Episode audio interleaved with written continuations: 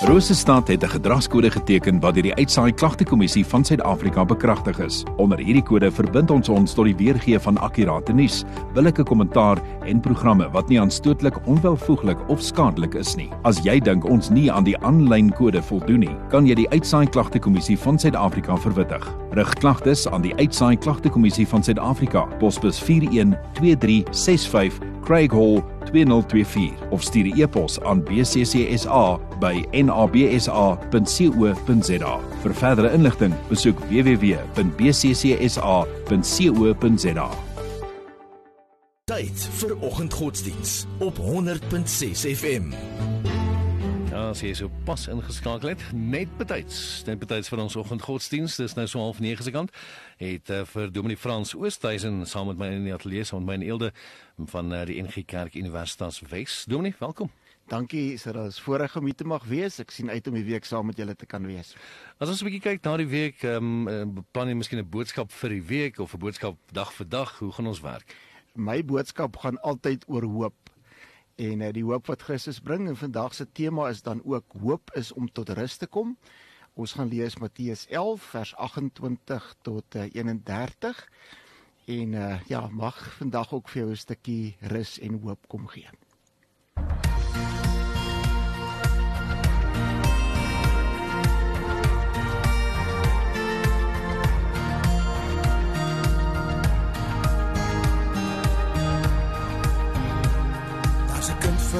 Vir ons gebore. Hy stuur redder ons verlosser. Halleluja. Sing halleluja. Hy is liefde, hy is lewe. Hy het ons sondes kom vergewe. Halleluja. Sing halleluja. Elke knie sal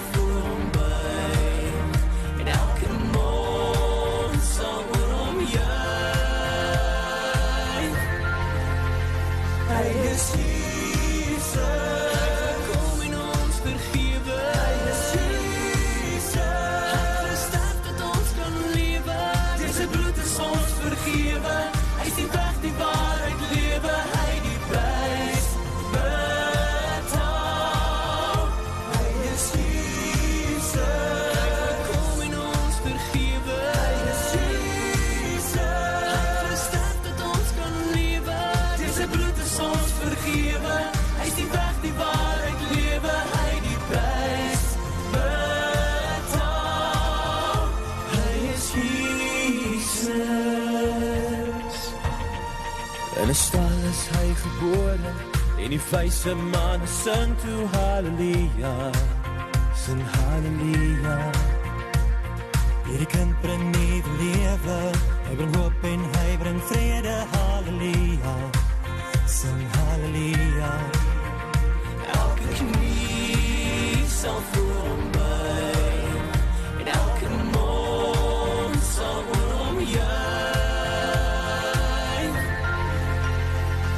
is Jesus.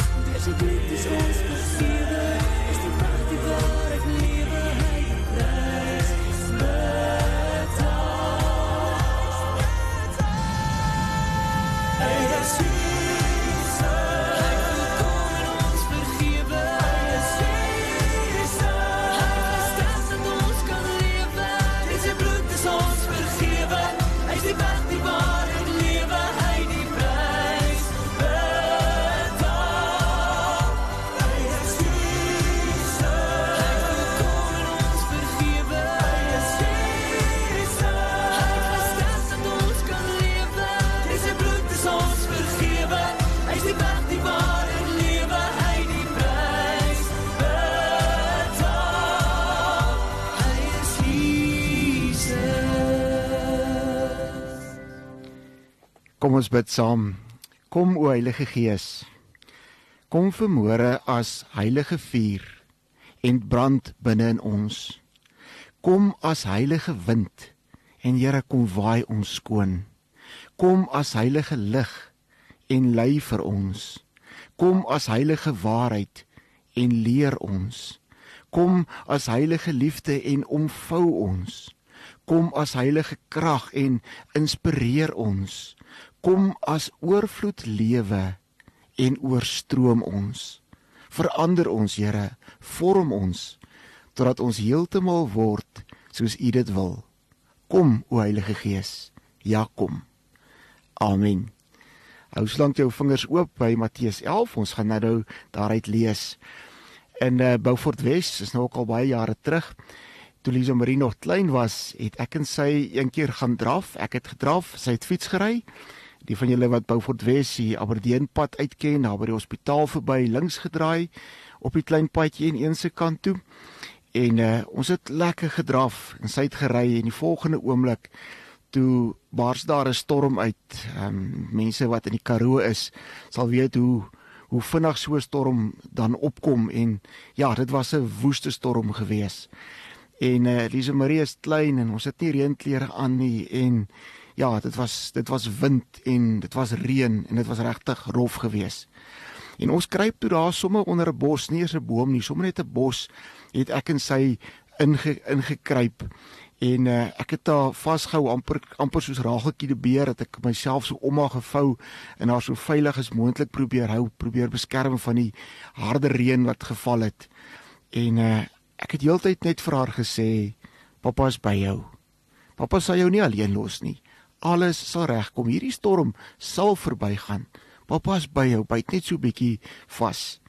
Nou die woorde wat ek vir haar gesê het, het nie die storm weggevat nie.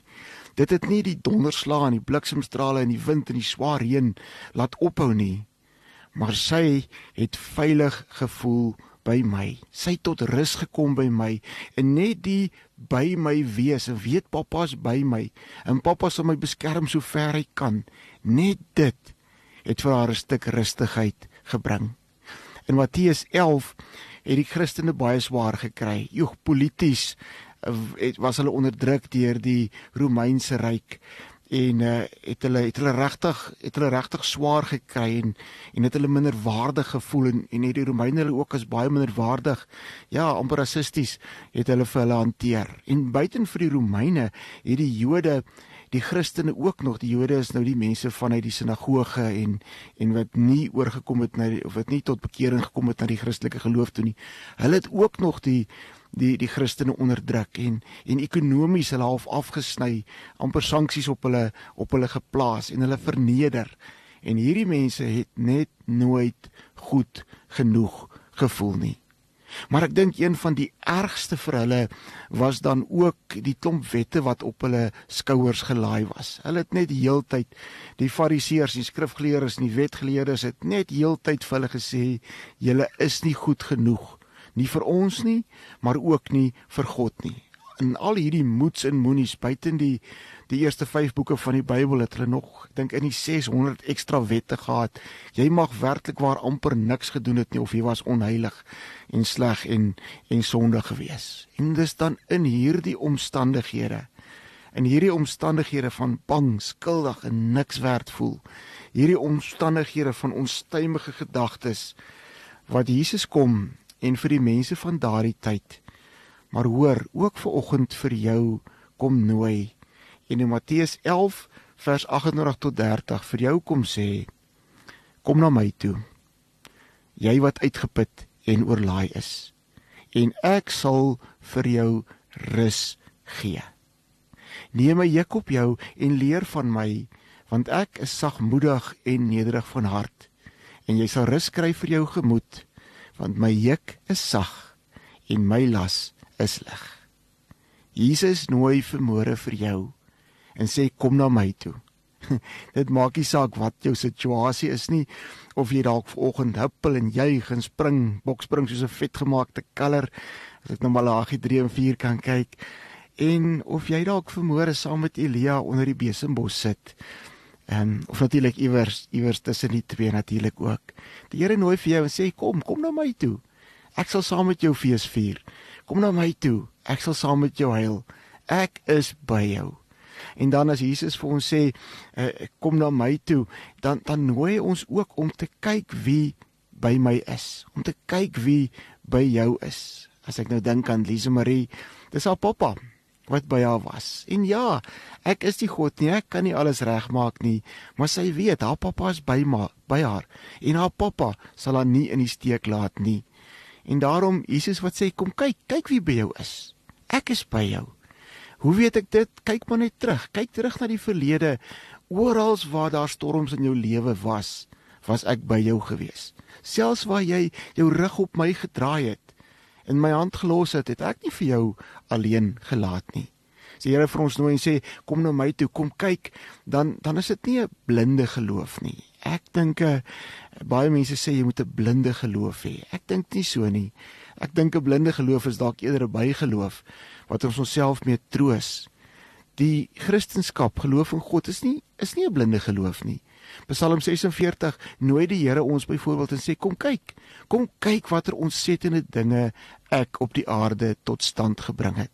Kom kyk waar ek al in die verlede in jou in jou lewe betrokke was.